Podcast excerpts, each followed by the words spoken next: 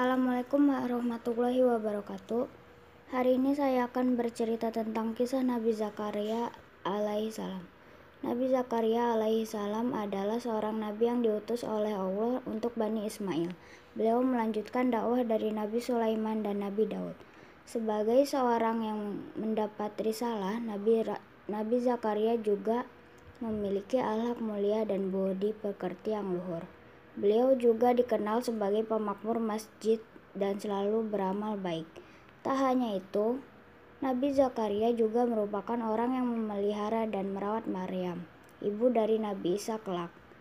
Kisah Nabi Zakaria telah banyak dijelaskan dalam Al-Quran, baik pada surah Maryam dan surah Ali Imran. Nabi Zakaria juga disebutkan dalam Al-Quran sebagai salah seorang hamba yang soleh dan Zakaria, Yahya, Isa, dan Ilyas semuanya termasuk orang-orang yang soleh. Quran Surat Al-An'am ayat 6 Kisah Nabi Zakaria sangat erat kaitannya dengan kisah Maryam. Dalam suatu riwayat dijelaskan bahwa Maryam merupakan putri dari keluarga Imron. Dahulu, istri Imron pernah bernazar jika ia memiliki anak, maka ia akan menyerahkan anak tersebut ke Baitul Maqdis sebagaimana dalam Al-Qur'an surat Ali Imran ayat 35 yang artinya Ingatlah ketika istri Imran berkata Ya Tuhanku, sesungguhnya aku menazarkan kepada engkau anak yang dalam kandunganku menjadi hamba yang soleh, soleh dan berhikmat di Baitul Maqdis. Karena itu, terimalah nazar itu daripadaku. Sesungguhnya engkaulah yang maha mendengar lagi maha mengetahui. Karena Nabi karena Nabi Zakaria merupakan pemimpin sekali, sekaligus pengurus di Baitul Maqdis, maka Maryam pun diserahkan kepadanya. Di bawah pengawasan dan bimbingan Nabi Zakaria, Maryam tumbuh menjadi anak perempuan yang cerdas dan beriman kepada Allah. Bahkan dalam Al-Quran dijelaskan bahwa Maryam selalu mendapatkan makanan dan buah-buahan di mihrab Zakaria sebagaimana dalam Ali Imran ayat 37. Maka Tuhannya menerimanya sebagai nazar dengan penerimaan yang baik dan mendidiknya dengan pendidikan yang baik. Dan Allah menjadikan Zakaria pemeliharanya. Setiap Zakaria masuk menemui Maryam di mihrab, ia men ia dapati makanan di sisinya. Zakaria berkata, Hai Maryam, dari mana kamu memperoleh makanan ini? Maryam menjawab, makanan itu dari sisi Allah. Sesungguhnya Allah memberi rezeki kepada siapa yang dikehendakinya tanpa hisap. Nabi Zakaria merupakan hamba Allah yang sangat sabar. Sama seperti Nabi Ibrahim, Nabi Zakaria juga mendapatkan keturunan saat usia yang saat usianya yang tak lagi muda. Beberapa ulama menjelaskan bahwa usia Nabi Zakaria saat itu 99 tahun, namun ada pula yang menyatakan usianya berkisar 120 tahun. Meski begitu, Nabi Zakaria terus memohon keturunan dan tak berhenti berdoa kepada Allah. Salah satu doanya termaktub dalam surat Ali Imran ayat 38 yang artinya, di sanalah Zakaria berdoa kepada Tuhannya seraya berkata, Ya Tuhanku, berilah aku di sisi engkau seorang anak yang baik. Sesungguhnya engkau maha pendengar doa. Kemudian doa agar tidak dibiarkan hidup sendiri tanpa keturunan sebagaimana dalam surah Al-Anbiya ayat 89 yang artinya Dan ingatlah kisah Zakaria tatkala ia menyuruh tuh menyeru Tuhannya, "Ya Tuhanku, janganlah Engkau membiarkan aku hidup seorang diri, dan Engkaulah waris yang paling baik." Keinginan Nabi Zakaria pun bukan tanpa sebab.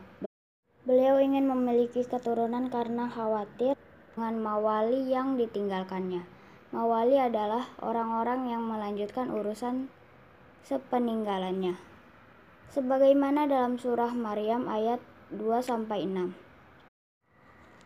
Yang dibacakan ini adalah penjelasan tentang rahmat Tuhan kamu kepada hambanya Zakaria. Yaitu tatkala ia berdoa kepada Tuhannya dengan suara yang lembut. Ia berkata, Ya Tuhanku, sesungguhnya tulangku telah lemah dan kepalaku telah ditumbuhi uban. Dan aku belum pernah kecewa alam berdoa kepada Engkau, ya Tuhanku. Dan sesungguhnya aku khawatir terhadap mawaliku sepeninggalku, sedang istriku adalah seorang yang mandul. Maka anugerahilah aku dari sisi engkau seorang putra yang akan mewarisi aku dan mewarisi sebagian keluarga Yakub dan jadikanlah ia, ya Tuhanku, seorang yang diridhoi.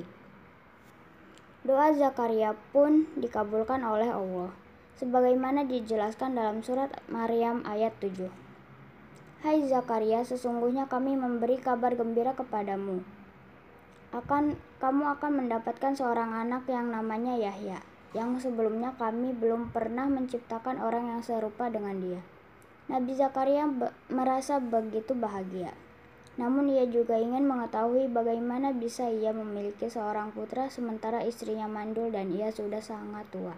Sebagaimana dalam surah Maryam ayat 8 yang artinya, Ya Tuhanku, bagaimana akan ada anak bagiku, padahal istriku adalah seorang yang mandul dan aku sendiri sesungguhnya sudah mencapai umur yang sudah tua. Saat itulah Allah menunjukkan kuasanya, hal yang menurut manusia tak mungkin, Atas izin Allah semua itu sangat mudah.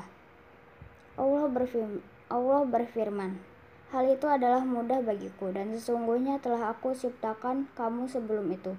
Padahal kamu di waktu itu belum ada sama sekali. Quran Surat Maryam ayat 9 Meski begitu, Nabi Zakaria masih meminta pertanda kapan istrinya hamil. Nabi Zakaria berkata, Ya Tuhanku berilah aku suatu tanda. Tuhan berfirman, Tanda bagimu kamu tidak dapat berkata-kata dengan manusia selama tiga hari, kecuali dengan isyarat dan sebutlah nama Tuhanmu sebanyak-banyaknya serta bertasbihlah di waktu petang dan pagi hari. Quran Surat Ali Imran ayat 41 Semua yang menjadi firman Allah adalah kebenaran. Nabi Zakaria akhirnya mendapatkan tanda tersebut dan istrinya melahirkan seorang putra dengan nama Yahya. Anak Nabi Zakaria juga memiliki akhlak yang baik sejak kanak-kanak. Beliau juga menjadi nabi sebagaimana ayahnya. Sekian cerita dari saya. Mohon maaf bila ada salah kata. Wassalamualaikum warahmatullahi wabarakatuh.